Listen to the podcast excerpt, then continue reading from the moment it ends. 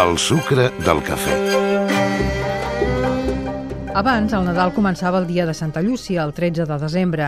Aquell dia baixàvem de l'Altell les capses amb les figures del pessebre i muntàvem el naixement en muntanyes de suro i camps de molsa, amb rius de paper de plata i un paper blau amb esquitxos platejats que simulava el cel. L'arbre de Nadal va venir més tard, era una tradició importada dels americans i al principi ens hi vam resistir, però al final el vam incorporar al paisatge domèstic fent costat al tió que cada dia engreixàvem amb mandarines i fruita seca.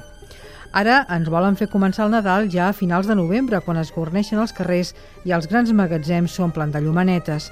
Però el Nadal no comença del tot fins que no arriba la marató de TV3 i Catalunya Ràdio.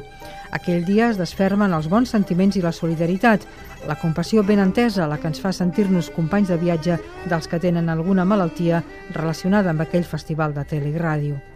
La marató d'aquest any és demà passat diumenge i està dedicada a les malalties del cor, aquest òrgan a qui atribuïm sentiments i emocions, però que en realitat és motor de vida. Diumenge bategarem tots alhora per aconseguir diners, un motor d'una altra mena, per poder investigar i evitar malalties i morts prematures. No s'oblidin de trucar 905 11 50 50.